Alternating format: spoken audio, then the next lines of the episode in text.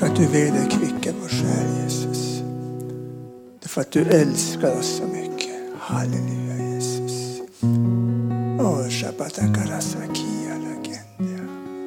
Mm. Tack för din kärlek Jesus. Över var och en som lyssnar här idag. Tack att du vill komma Herre. Och vidröra var och ens hjärta de ska få ett möte med dig. Med levande Gud. Ett underbart möte. För att lära känna dig mer och mer och mer. Vem du är. Och hurdan du är. Hur underbar du är Jesus.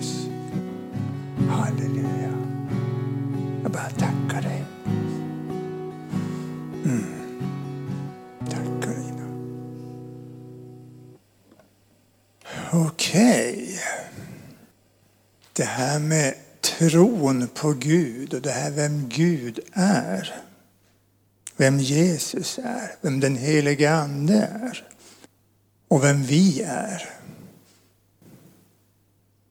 Och syftet med att vi finns till. Och allt det där som man kanske går och funderar på. Det ska handla lite grann om det idag, eller ikväll. Det kommer handla mycket om Guds kärlek. Och eh, det finns, alltså om man börjar fundera på det här, vilka är vi egentligen? Och vad vill Gud med mitt liv och alla de här bitarna? Det kanske du har funderat på ibland. Vad har Gud för kallelse för mig och hur ska jag leva det kristna livet och allt det här? Vad vill Gud med mig? Vad ska jag göra för honom? Vad vill han egentligen? Eller vad, vill, vad har jag för vision? Vad vill jag göra för Gud? Vad vill församlingen göra? Det, går, det, är egentligen, det är frågor vi ställer oss, men det finns en fråga som, är, som vi kanske inte ställer oss så ofta. Och det är från Guds perspektiv. Vad har Gud för vision med dig? Varför skapar han dig överhuvudtaget? Varför finns du till? Har du tänkt på det? Varför finns du till? Egentligen. Är du en slump att du finns till? En tillfällighet? Var det en olycka som en del tror? Var det för att din mamma och pappa ville ha ett barn som du blev till? Eller vad var det egentligen? Jag tänkte jag ska ta och gå igenom, det ska bli lite undervisning här. Lite grann om grunden i den kristna tron. Därför att det här är saker som vi väldigt sällan predikar om tyvärr. Men det är den absolut viktigaste grunden att du har den överhuvudtaget. Annars kan man hamna så tokigt och snett i livet. Och jag tänker börja då. Jag har sagt det här många gånger, men jag tänker att det är på upprepning man lär sig. Eller hur? Så jag tänker läsa från Efesierbrevet 1. Så fantastiskt bra verser där. Som Paulus beskriver det här, Efesierbrevet 1. Det är ju verkligen alltså ett brev som handlar väldigt mycket om treenigheten. Alltså både Fadern, Sonen och den helige Ande. Och vi vet att Fadern, alltså Gud, han är ju Fader, Son och helig Ande. alla tre är ju Gud. Vi brukar kalla treenigheten, tre men ändå ett. Fadern, han har alltid varit fader. Ända från begynnelsen.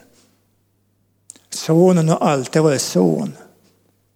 Och den helige ande har alltid varit en kärlekslåga mellan fadern och sonen.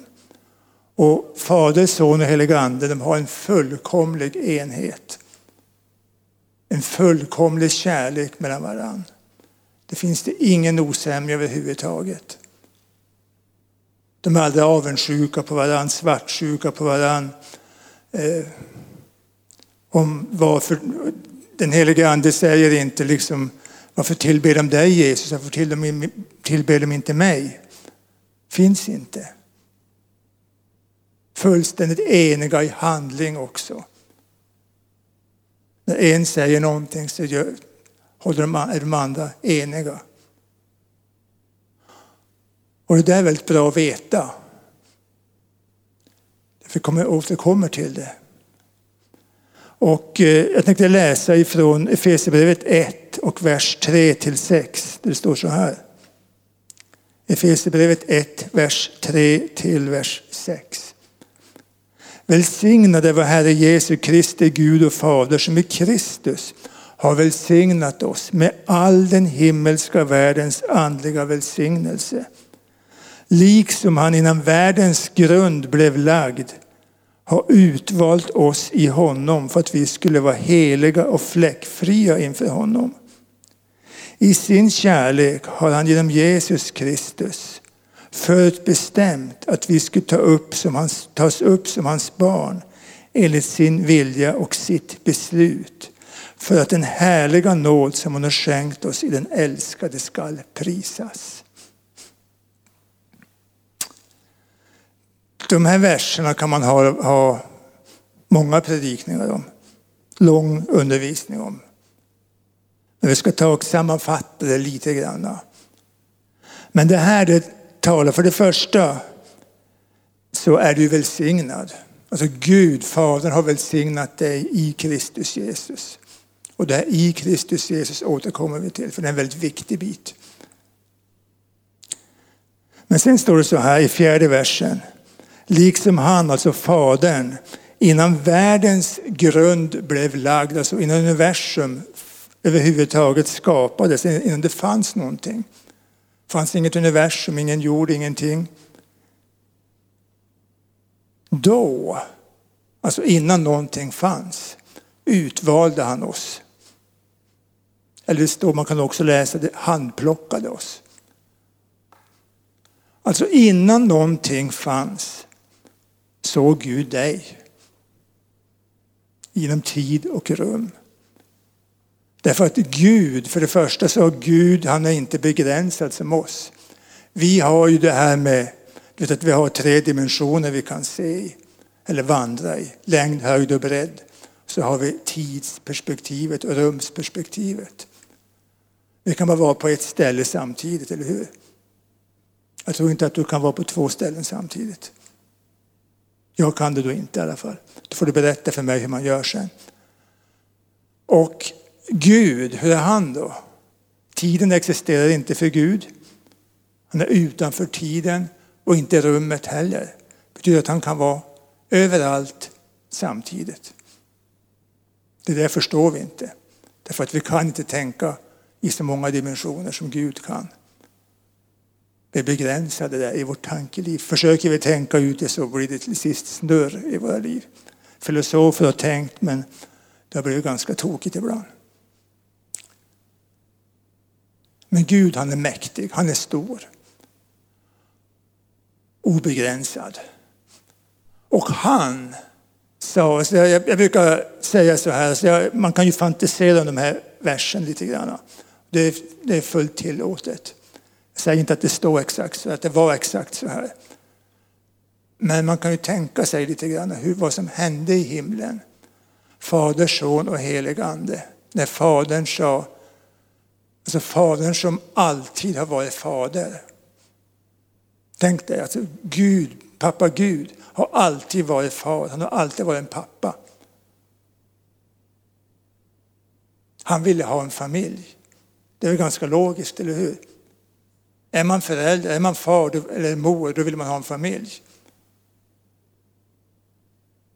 Och då sa han så här Sonen och den helige Ande. Jag vill att vi ska skapa barn. Jag vill ha en familj. Jag vill att vi ska skapa barn. Människor till vår avbild. Och treenigheten är enig så att det var liksom samfällt ja. Det gör vi. Bra. Visst. Sen var det ju så här då att Gud sa, det är bara ett, en sak som kommer att hända. Och det är det att De kommer att överge oss. De kommer att vända ryggen åt oss ganska snabbt. Och då trädde Jesus fram och sa No problem, jag tar hand om det. Jag är villig att gå i döden för dem. För att de ska få, vi ska kunna få tillbaka dem som familj. Alltså Gud visste, det står här i texten, det framgår här i texten. När innan Gud skapade människan visste han vad som skulle hända, att syndafallet skulle komma. Så han hade en plan redo när väl han hade skapat människan och syndafallet kom. Sen var det nästa sak då. Vart ska de bo? Det fanns ju ingen plats för dem, för människorna, eller hur? Universum fanns ju inte. Jorden fanns inte, det var bara tomt.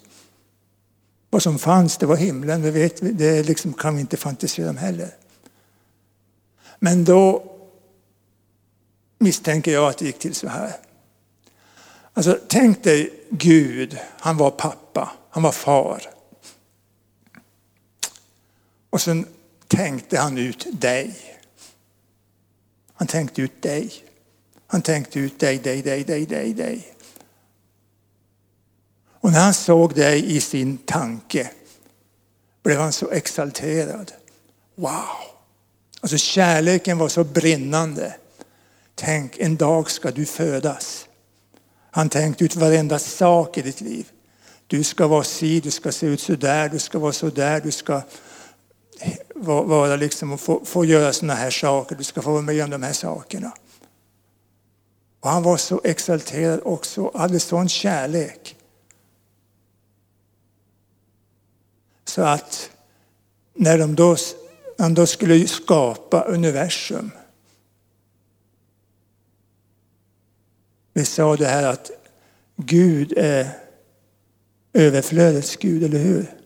Universum är stort. Så att när han skapade universum så tog han i. Alltså jag, kan tänka, alltså jag skulle kunna tänka mig, det står ju att Gud sa då det blev. Han viskar inte när han skapar universum utan han ropar säkert ut bli universum. Och det tog han i liksom.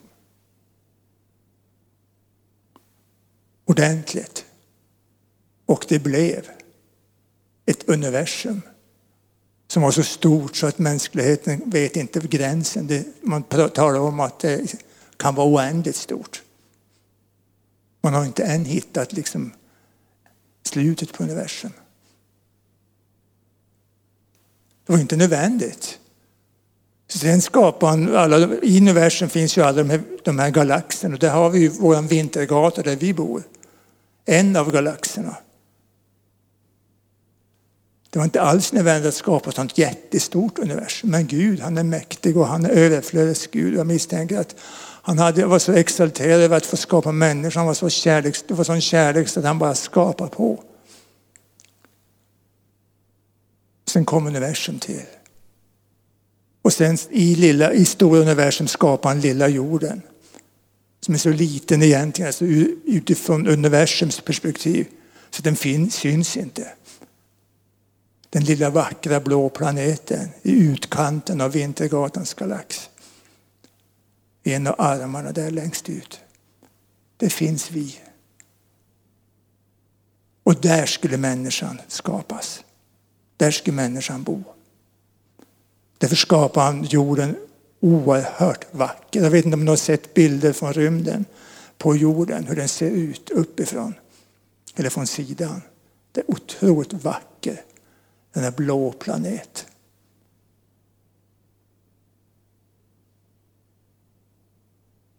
Han gjorde allting i kärlek. Sen kan du tänka dig den dagen då när, han, när allt det där var klart. Och sen sade han, var det.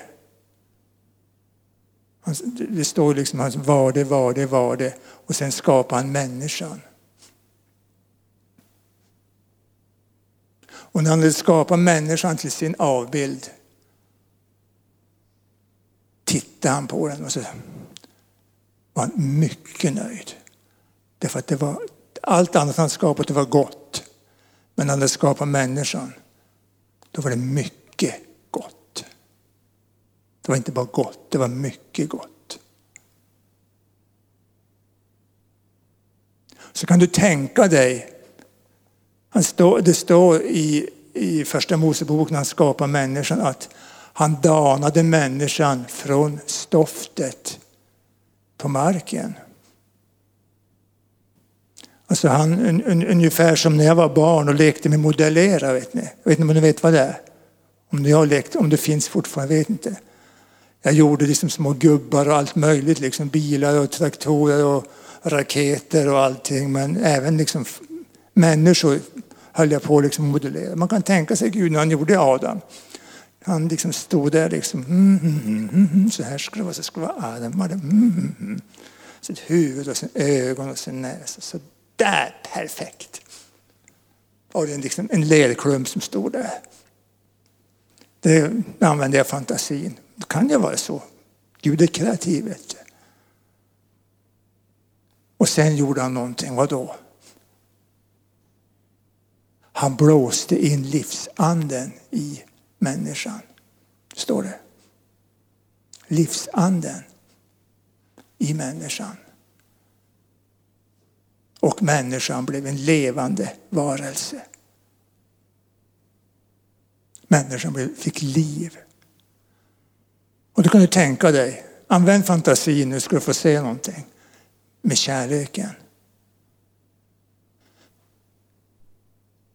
Därför att vad hände? Om du tänker dig, så Gud böjde sig ner över Adam, blåste genom näsan. Och så blev det liv. Och vad gjorde Adam då förmodligen? Då tittade han upp. Han öppnade ögonen. Då tittade han. Och vad såg han? Det första Adam såg, vad var det? Han såg rakt in i Guds ögon. I Guds kärleksfulla ögon. Alltså den kärlek som Gud har, som Gud är. Som heter på grekiskan agape. Alltså en fullkomlig, utgivande kärlek utan krav.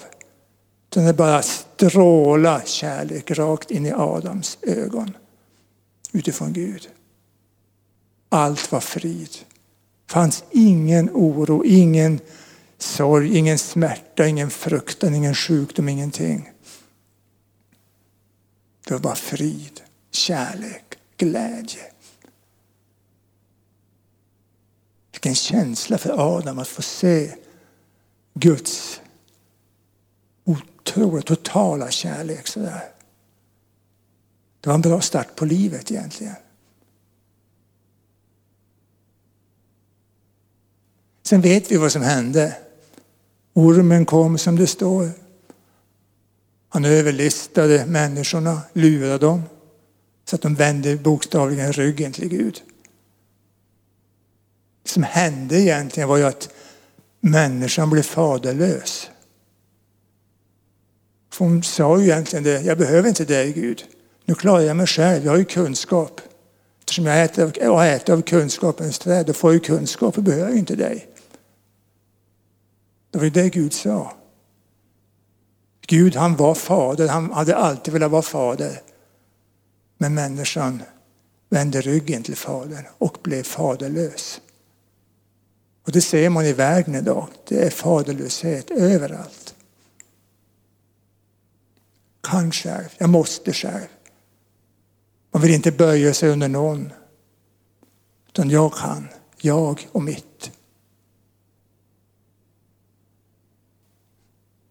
Det där var början.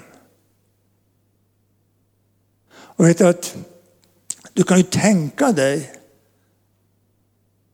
Guds, Guds perspektiv och vad som hände. Han som hade velat ha en familj. Han älskade människorna. Så övergav de han. Det var inte bara att de övergav Gud. De satte sig väldigt själv i, i dåliga dagar också. Nu fick de ju klara sig själva. De var ju inte skapade för att klara sig själva. Själen var skapad för att, för att vända sig till Gud. Men nu fick själen helt plötsligt ska, försöka klara sig själv utan Gud. Och det blev som det blev. Det var inte länge från det blev första mordet och fruktan kom in och alla de här bitarna, sjukdomar och allt elände. Det var, måste vara en oerhörd smärta för Gud. Jag vet att det står i, i Jeremia 3 och 19. Står det, det står lite olika översättning på, i olika biblar. Men i, eh, jag tror att det är Bibel 2000 står det i alla fall att så här att Gud hade, sa att jag hade hopp, ungefär så här, jag hade hoppats eller trott att ni ville, skulle vilja kalla mig fader. Men ni ville inte. Känner du vilken smärta i Guds hjärta. Han hade hoppats att människorna skulle kalla honom fader och vilja vara barn till Gud. Men de vände ryggen, ville inte. Nej, vi kan själv, klara oss själv. Men hela Bibeln sen, faktiskt, genom hela gamla testamentet och evangelierna, det handlar om hur Gud jobbade för att föra människan tillbaka till sin familj. För att få tillbaka sin förlorade familj. Det är det det handlar om, helt igenom bara. Guds sätt att få tillbaka sin familj som han hade förlorat. Det är det det handlar om. Och där kommer du in.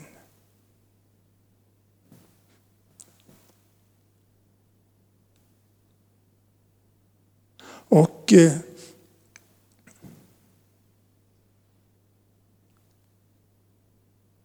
när Jesus kom, då kan man ju fråga sig lite grann varför alltså Jesus kom till världen. Varför kom då Jesus till världen? Var det bara för att han skulle, eller bara inom citationstecken, var det för att han skulle ta bort våra, bära våra synder på korset? Våra sjukdomar och lidanden och allt det Var det därför han kom? Eller varför kom han? Men tänk på det. Det finns en djupare innebörd i att han kom. Det står i Bibeln. Vad hände när Jesus sa att det är fullbordat och han gav upp andan? Vad hände med förlåten i templet? Den brast uppifrån och ända ner. Och vad, vad, vad, vad var det tecken på? Nu var vägen öppen in till Guds fars hjärta. Det var ju uppenbarelseplatsen, det allra heligaste, bakom förlåten. Dit översteprästen fick gå en gång om året. Och vet, det var så helig plats att översteprästen hade ett, man band ett rep runt benet på honom för att om man skulle göra något fel och dö så skulle man kunna dra ut honom utan att behöva gå in i det allra heligaste.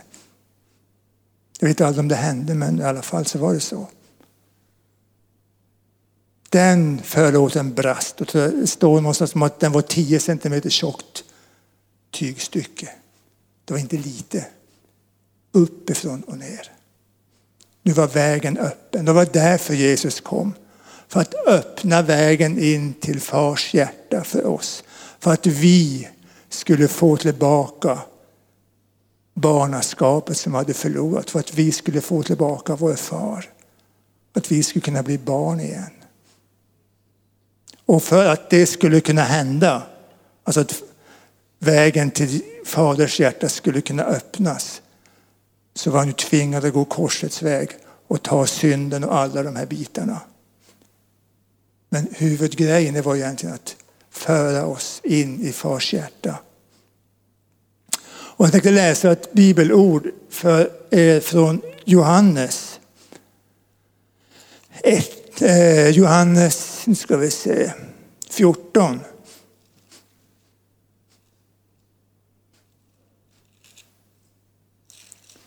Johannes 14 och Johannes 15 det är kanske de mest lästa i min bibel i alla fall.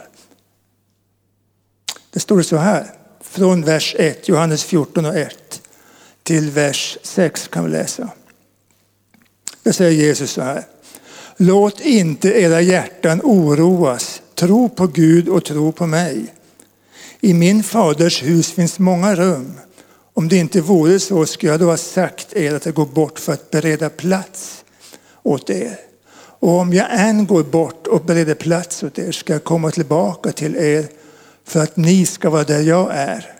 Och vart jag går det vet ni, den vägen känner ni. Thomas sa, Herre vi vet inte vart du går, hur ska vi då kunna känna vägen? Jesus sa till honom, jag är vägen, sanningen och livet. Ingen kommer till Fadern utom genom mig. Här deklarerar Jesus väldigt klart och tydligt vem han var och vad hans syfte var. Han kom för att han var vägen in till fars hjärta, för att visa oss, leda oss in till fars hjärta. Men det är första biten här som vi lätt har misstolkat genom åren. Eh, låt inte era hjärtan oroa utan tro på Gud och tro på mig. Därför att i min faders hus finns många rum. Det där det har man ju liksom tolkat lite olika. Och så säger han då, om det inte vore så ska jag gå, då säger jag att jag går och bereder plats för er. Och om jag än går och bereder plats här så kommer jag tillbaka. För att ta er till mig. Då har man tänkt att det där det här, antingen handlar om när människan dör eller också eh, Jesu andra tillkommelse. Men vad handlar det om egentligen? I vilket sammanhang säger Jesus det här? Från kapitel 13, så kapitlet innan, så handlar det om sista påskmåltiden, alltså det sista, Jesus, sista timmarna innan Jesus gick till Golgata. Så sa han det här. Och då vet vi att han gick till Golgata, blev dödad och gick med sitt blod till Fadern och i och med det öppnar han vägen in i Faderns hjärta. De här rummen, det handlar ju om Faderns hjärta, alltså rymligheten i Fars hjärta. Det finns många rum, det finns mycket rymlighet i Fars hjärta för dig och mig. Där är det rymligt, där är det god plats för dig och mig. Och sen kom han tillbaks. Han visade sig för lärjungarna många gånger innan han till sist steg upp till himlen, innan himmelsfärden blev. Det står ju där, och jag ska komma tillbaka. Han ska bereda plats för det och komma tillbaka för att ni ska få vara där jag är. Där hade han berett platsen så att vi skulle kunna vara där han är. Ser ni det? Det var det Jesus gjorde. Han beredde platsen in i fars hjärta för dig och mig. Och då säger ju, ju ehm, Thomas så här, men eh, för han säger att ni vet vart jag går. Men nej, nej, nej, vi vet inte vart. Vart går du? Det har du aldrig berättat. Fast han hade gjort det ett antal gånger, men man har inte förstått det. Och då säger han så här. Jag är vägen, sanningen och livet. Och där stannar vi ofta när vi läser. Jesus är vägen, sanningen och livet säger vi, eller hur? Det har ni hört många gånger. Men man läser inte fortsättningen på versen. Ingen kommer till Fadern utom genom mig. Det är ju en sammanhängande vers, eller sammanhängande mening. Jesus han är vägen. Vilken väg då? Det är många kristna som stannar på vägen. De bara står och stampar på vägen och vet inte vart de är på väg. Men jag är ju på vägen, men en väg leder ju någonstans, eller hur? Vägen leder in i fars hjärta. Han säger det, ingen kommer till Fadern utom genom mig. Det är dit vägen leder. Han är också sanningen. Eller man kan översätta sanningen som verkligheten.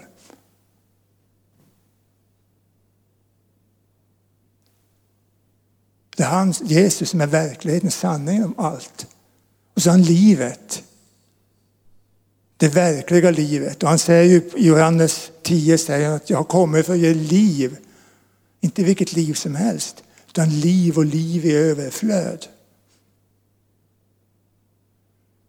Men just det här, ingen kommer till Fadern utan genom mig.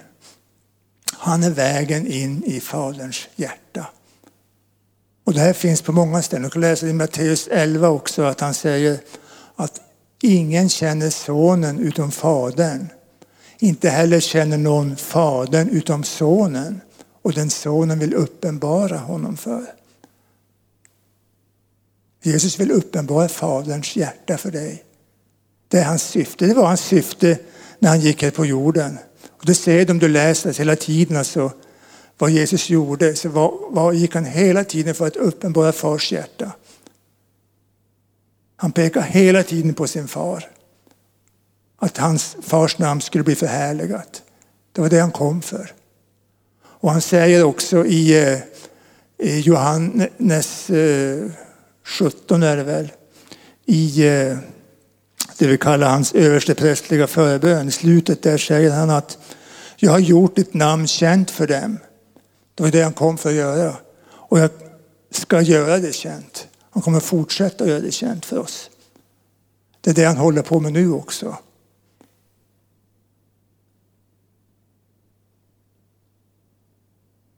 Och så står det på ett ställe att Gud har gett Jesus, han har, han har all fullhet från Gud har han låtit komma över Jesus. Fadern han gör ingenting utom, han gör allt han gör kan man säga, gör han i Jesus. Eller genom Jesus. Så att sonen ska återspegla faderns härlighet. Så att så, när du tittar på Jesus, då ser du Fadern. Du ser hans hjärta. När du studerar hur Jesus var när han gick här på jorden så ser man Fadern.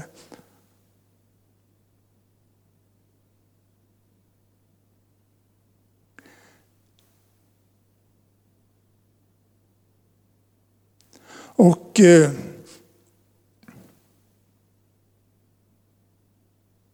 Han säger så här.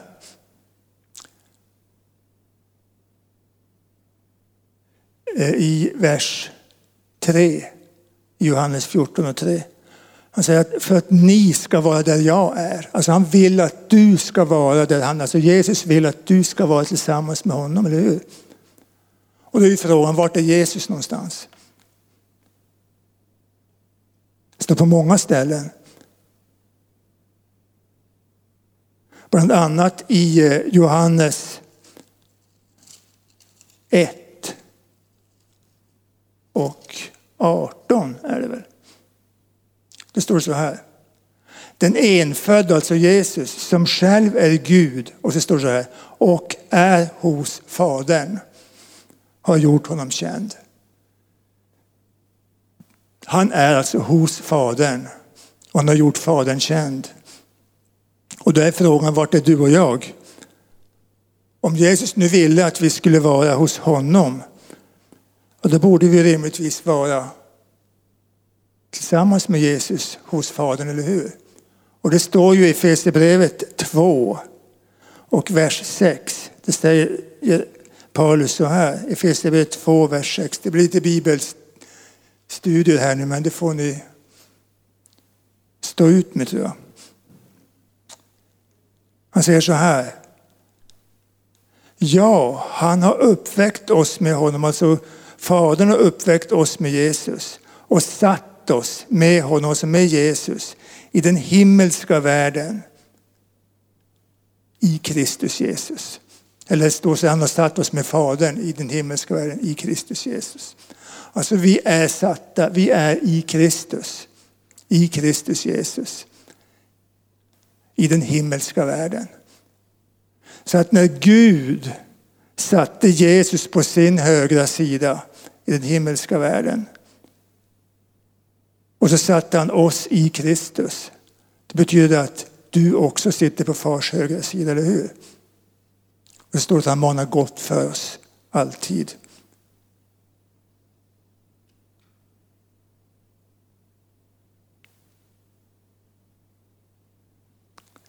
Vet du att i och med att du är i Kristus, när han satte dig i Kristus Jesus. Just det där i Kristus. Det betyder så oerhört många saker egentligen. Därför att när du blev satt i Kristus så betyder det att du fick tillgång till allt det Jesus egentligen står för. rättfärdighet, helgelse, vishet och så vidare.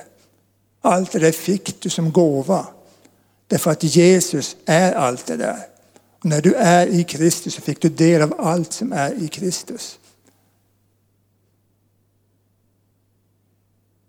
Och det står när vi läste i Filipperbrevet 1 så läste vi så här i femte versen.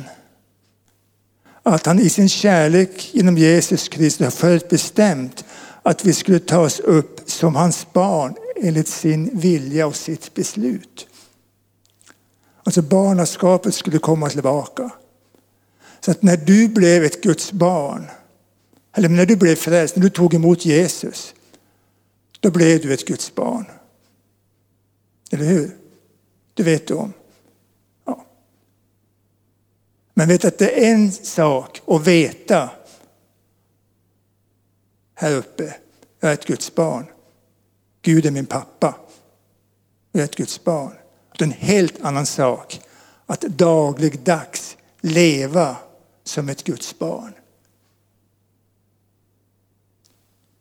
Där du är övertygad varje dag. Du bara känner fars hjärta. Han älskar mig, han talar med mig. Jag kan umgås med honom. Jag är ett barn. Därför att när du är ett barn till Gud, det som hände egentligen då, det var att du kom, fick komma hem. Precis som den förlorade sonen, en liknelse på det här. När du blev frälst fick du komma hem till fars hus. Det var ju det som det stod här, det fanns många rum i fars hjärta. Och du fick komma hem, du tillhör Guds familj nu. Och om du vet om det där, att du tillhör Guds familj, att du är son och dotter, eller dotter till Gud, så får det konsekvenser i ditt liv.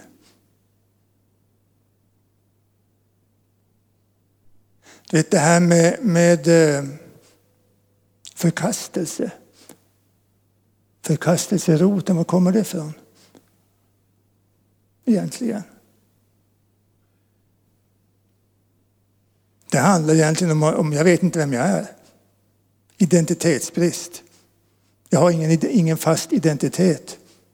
Vem är jag egentligen? Därifrån kommer förkastelsen. När du, har, när du är i Kristus, när du vet att du är Guds barn och att Gud är din pappa. Då kommer det att ge dig identitet. Vilket betyder att förkastelsen kommer mer successivt att lämna dig.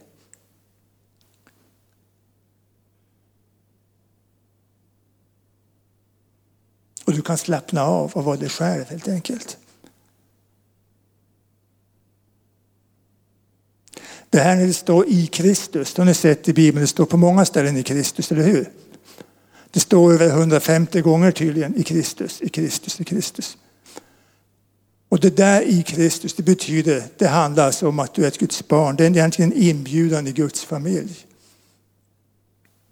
Därför att du är ju barn till Gud och du är bror eller syster till Jesus, eller hur?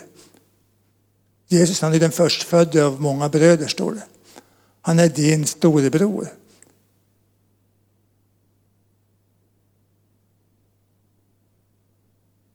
Och eh, han skäms inte för dig.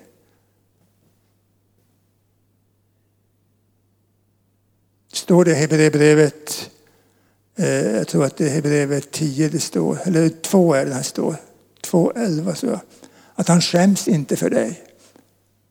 Han skäms inte för att kalla oss bröder eller systrar. Han är på din sida och han älskar dig. Precis lika mycket som far älskar dig i himlen. Det här är grunden till all kristen tro, till evangelium, till, allt, till att vara ett Guds barn, till att vara frälst.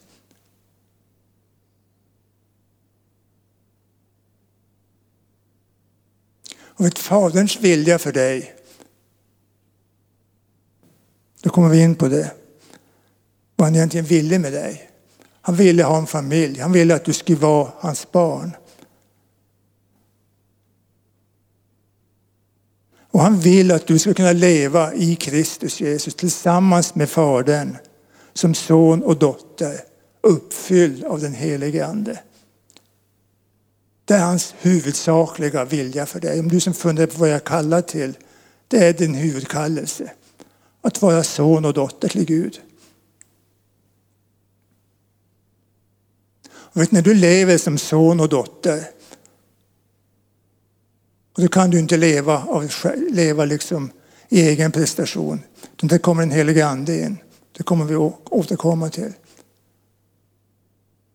Men när du lever som son och dotter, då kommer allt det här med prestation att falla. Du är hemma, du kan slappna av. Du kan sätta dig liksom i soffan, höll jag på att säga, och bara njuta av livet. För han älskar dig oavsett om du bara sitter och rullar tummarna resten av livet så kommer han att älska dig precis lika mycket. Men det blir ett ganska trist liv, det är en annan sak.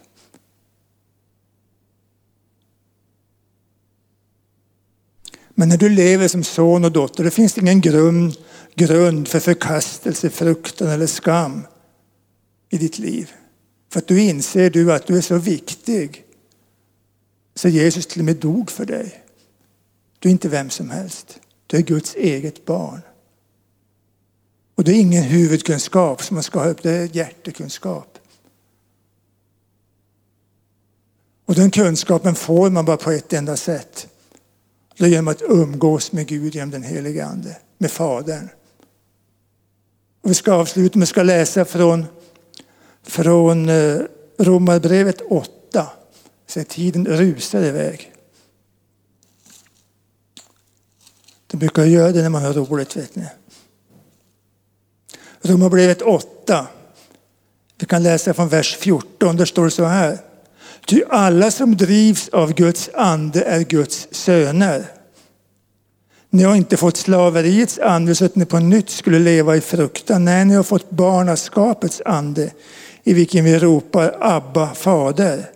Så står det, anden själv, alltså den helige ande, vittnar med vår ande, eller kan vi också läsa till vår ande, att vi är Guds barn. Men när vi är barn är vi också arvingar, Guds arvingar och Kristi medarvingar. Vad stod det här egentligen? Alla som drivs av Guds ande. Och då tänker vi genast, eller leds av Guds ande kan man också översätta det. Då tänker man just det, Guds ande han leder mig, liksom det jag ska, han visar mig vad jag ska göra. Då kommer man genast in på tjänst, tjänst, att göra, att göra. Krav, måsten. Han leder mig, han vill jag ska göra det och det och det. Men vad står det här? Det står att ni har inte fått slaveriets ande så att ni ska känna fruktan.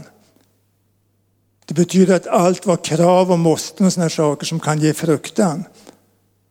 Klarar jag av det här? Kan jag det här? Det inte kommer inte från den helige ande.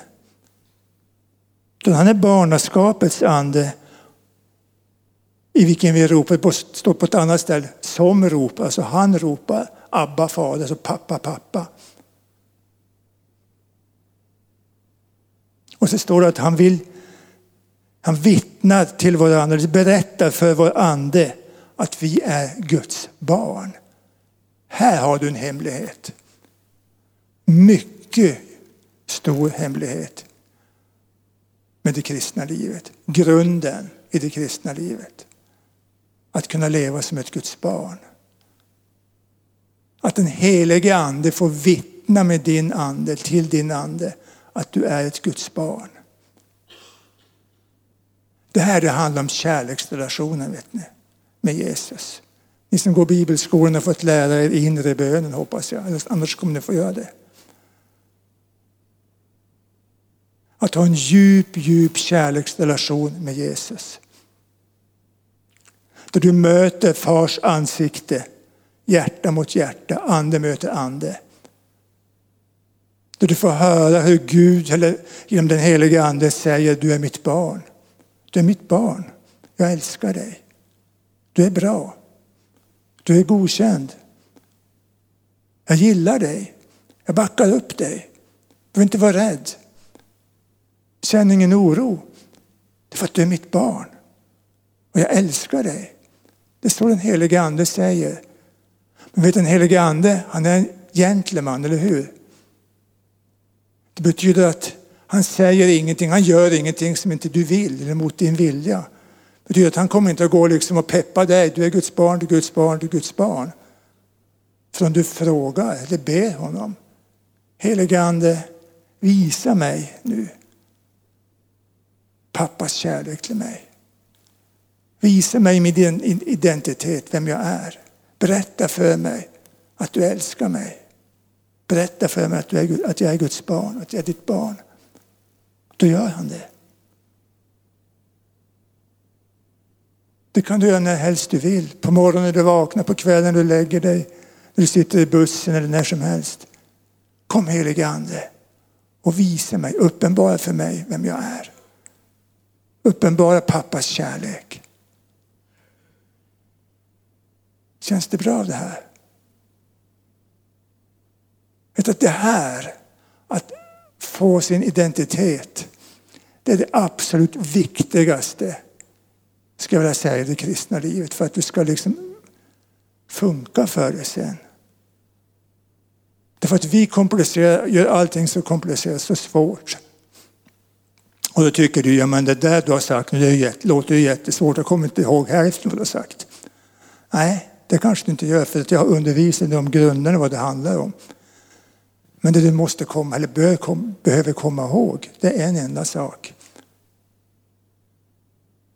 Be den helige Ande visa dig att du är ett Guds barn. Det är det det handlar om. Be den helige Ande uppenbara fars kärlek och din identitet. Be han bekräfta dig. För det är det det handlar om. Att han ska bekräfta dig i den du är. Och vet, förkastelse, det är ju brist. Det, är ju brist det, är, det har man ju när man söker bekräftelse från annat håll. Och det betyder att ju mer den helige Ande får bekräfta dig att du är ett Guds barn, din identitet, desto mindre kommer du att behöva söka bekräftelse hos människor. Desto mer stabil blir du i ditt liv och mindre förkastelse får du. Det är det det handlar om. Livet med Jesus, livet med Fadern, det är kärlek. Och det står faktiskt på ett ställe i Jesaja att till och med den fåkunniga ska kunna vandra den här vägen. Eller det står dåren ska kunna vandra den här vägen. Det säger, det tycker jag är väldigt tryggt, för det säger mig att livet med Jesus, evangelium, det är enkelt. Mycket enkelt. Det är vi som komplicerar allting och gör det så svårt. Det handlar om kärlek från början till slut. Du kan lyssna på undervisning om olika saker. Helande. Du kan lyssna på undervisning om rättfärdighet. Du kan lyssna på undervisning om helgelse. Du kan lyssna på undervisning om församlingen. Du kan lyssna på undervisning om olika teman. Allt det där kan sammanfattas kärlek.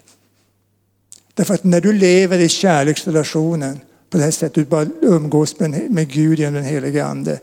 Eller rättare sagt, du umgås med Faderns kärlek genom Jesus som kommer till dig genom den helige Ande. Det är den vägen det går.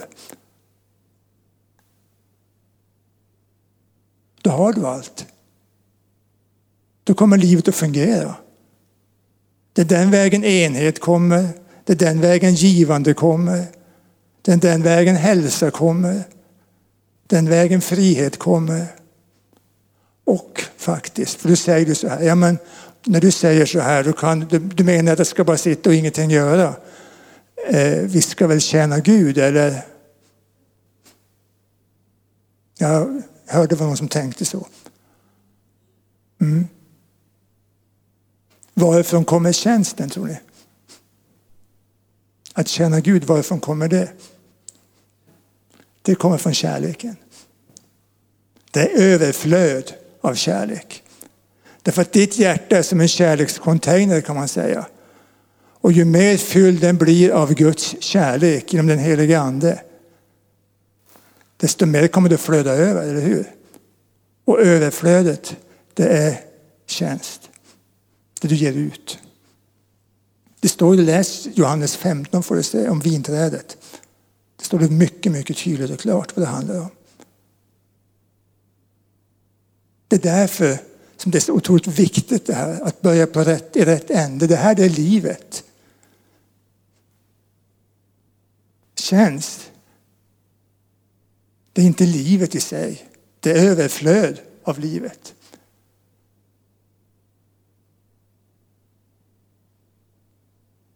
Eller frukten av livet.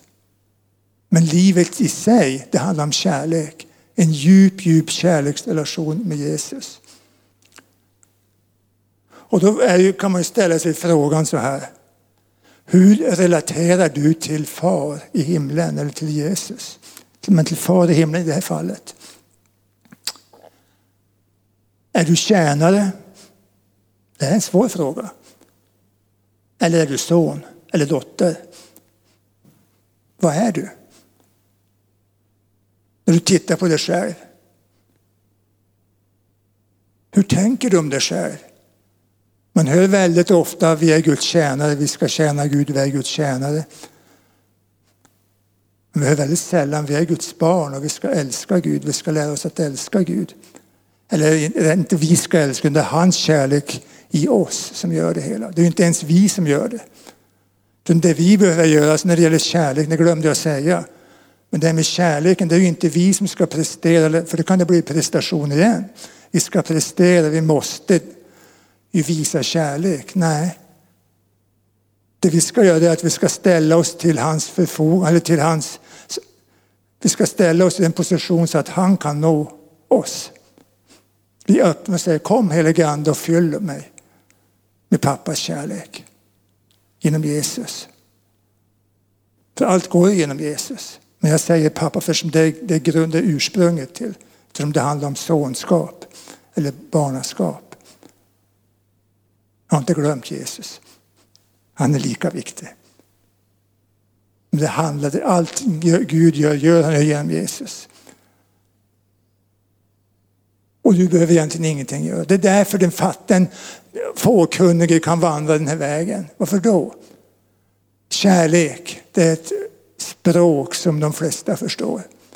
Eller många, många har liksom, men alltså att du på något sätt, det, det smälter. Det finns en som inte förstår kärlek, vet vem det är? Det är fienden, djävulen själv. Och därför kärlek är så effektivt. Han fattar inte kärlek. Han flyr för kärleken. Det är därför det är så effektivt också när man ber för människor. Bjud in Guds kärlek. Det är precis lika effektivt oftast som att bryta, binda och hålla på. För han flyr, festen släpper av kärleken. Men hur relaterar du till din far? Det var det jag ställde frågan. Son, dotter eller tjänare? Det är viktigt. Därför att om du är tjänare Hur är det med tjänaren? Vad säger Jesus? Jesus säger att jag kallar det inte tjänare, jag kallar det vänner. För att tjänaren vet inte vad hans herre gör. Tjänaren han måste prestera för att få arvet. Där har du prestation, religion, prestationsångest.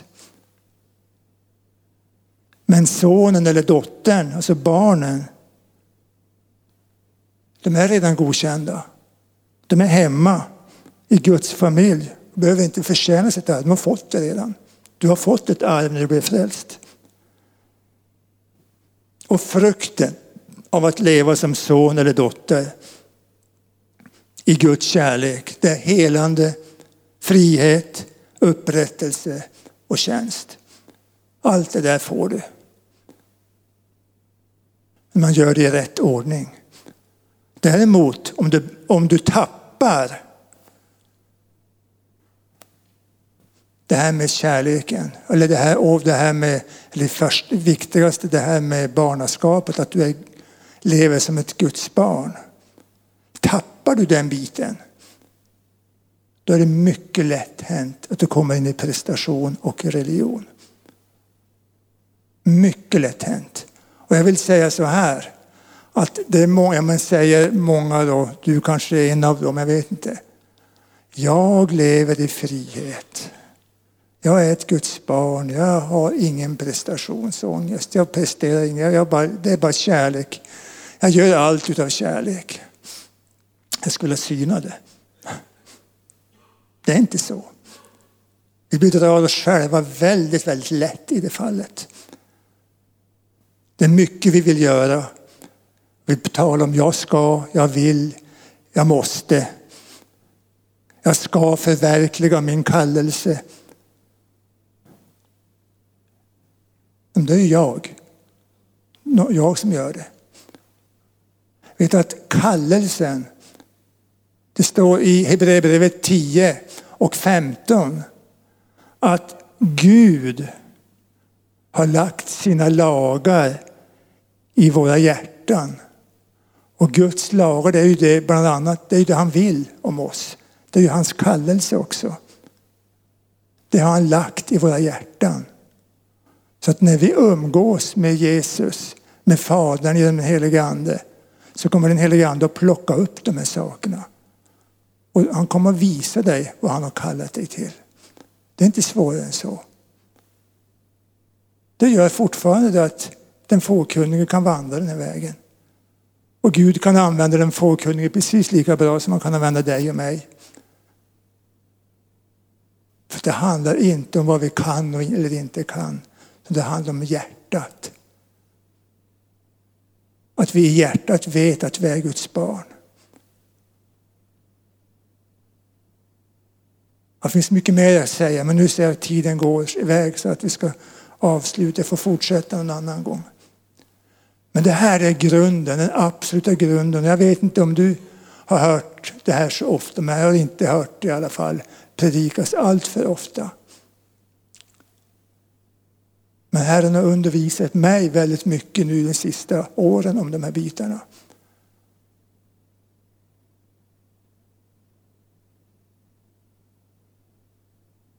Och det här är livet.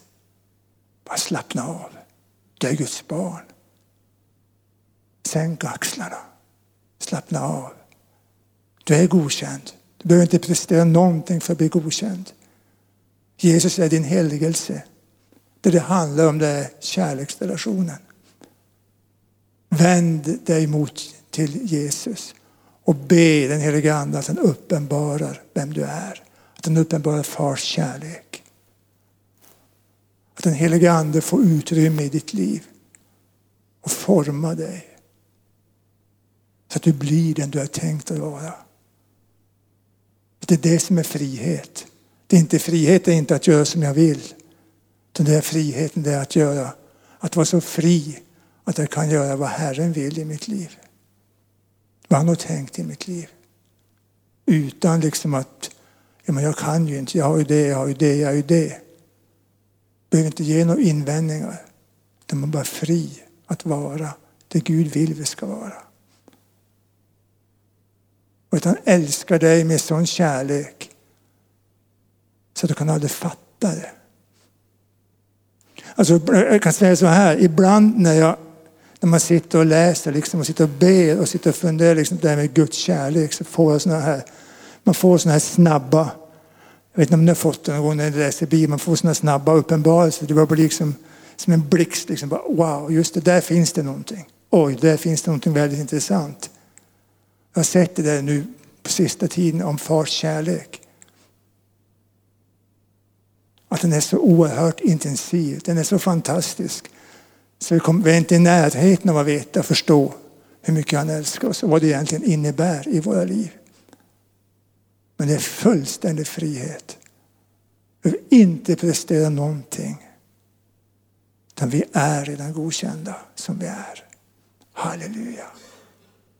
Jag bara tackar dig Jesus. För våra syskon och alla våra som lyssnar här Jesus. Att du vill uppenbara sanningen för dem. vem de är i dig, barnaskapet och hur god du är. Hur mycket du älskar dem och varför du kom till jorden, Herre. Och att du ville ha familj, Herre. Vi bara tackar dig för att vi får ingå i din familj, i Guds egen familj. Vi får vara i ditt hjärta, Herre, och bara få vara och känna oss hemma och slappna av inför dig. Utan fruktan, utan oro för någonting. Vi är dina älsklingsbarn. Halleluja. Jag bara tackar dig därför. Tack att du lär oss och hjälper oss att komma in i den här kärleksrelationen med dig. Att vi kan öppna våra hjärtan som det heter, bara för att du ska kunna komma Herre. Att du får beröra oss. Inte huvudet och intellektet, utan hjärtat. Att du får beröra hjärtat. Så att vi kan ha den här hjärtekontakten med dig. Hjärta möter hjärta. Vi bara bjuder in dig nu Herre. Kom heligande och bara fyll oss med Guds kärlek genom Jesus Kristus. Guds gränslösa kärlek som aldrig går att fatta eller förstå. Jag ber dig helige Ande, du ska berätta för oss hur mycket du älskar oss. Vad vi betyder för dig. Vad du har tänkt för oss.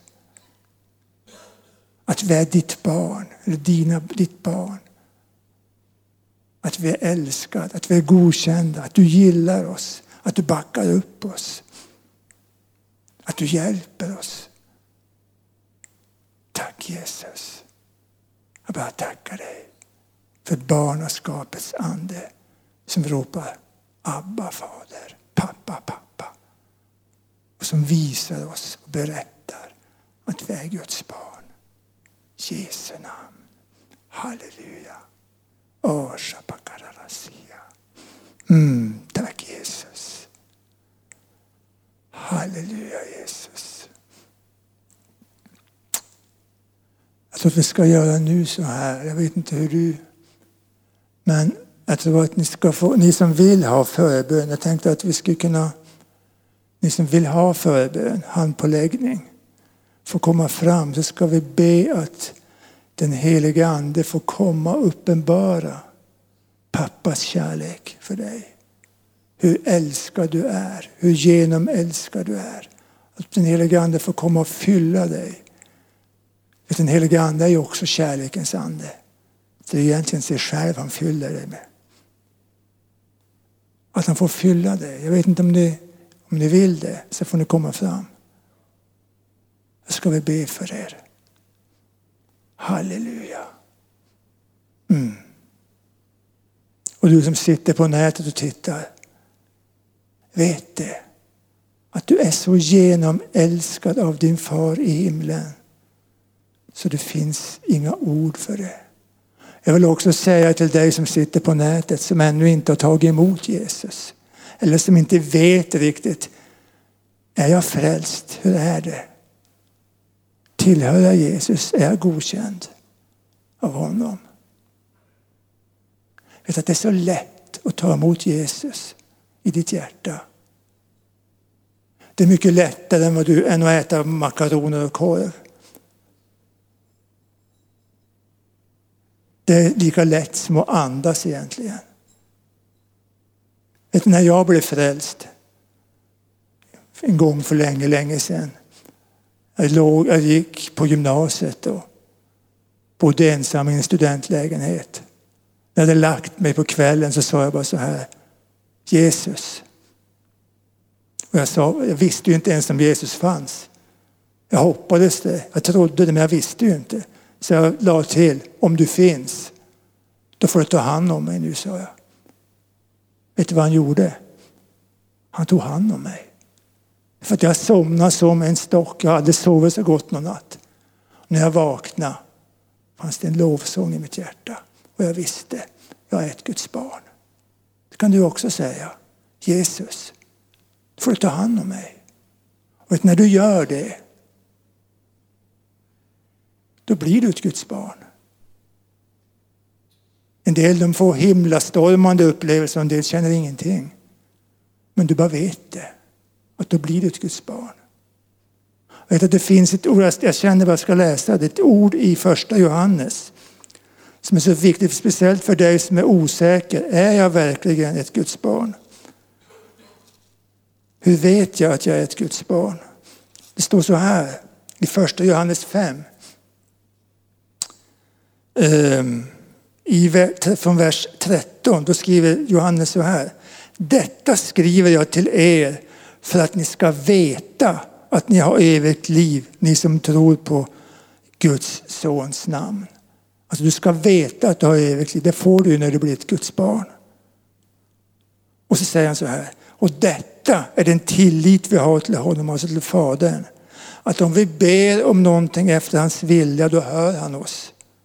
Och när vi vet att han hör oss vad vi än ber om, då vet vi också att vi redan fått det vi har bett honom om. Det här det handlar om visshet, att vara frälst, att vara ett Guds barn. Om du ber om någonting efter hans vilja, och han vill ju att hela världen ska bli frälst. Så det är självklart. Ber du, efter hans, ber du kom in i mitt hjärta, då är det en bön efter hans hjärta. Då gör han det. Och då är du ett Guds barn då kan jag, har du gjort det här nu, då kan jag bara gratulera dig. Välkommen in i Guds familj. Nu är du där du också. Amen. Halleluja. Så ni som är här nu, nu kan ni komma fram om ni vill ha förbön.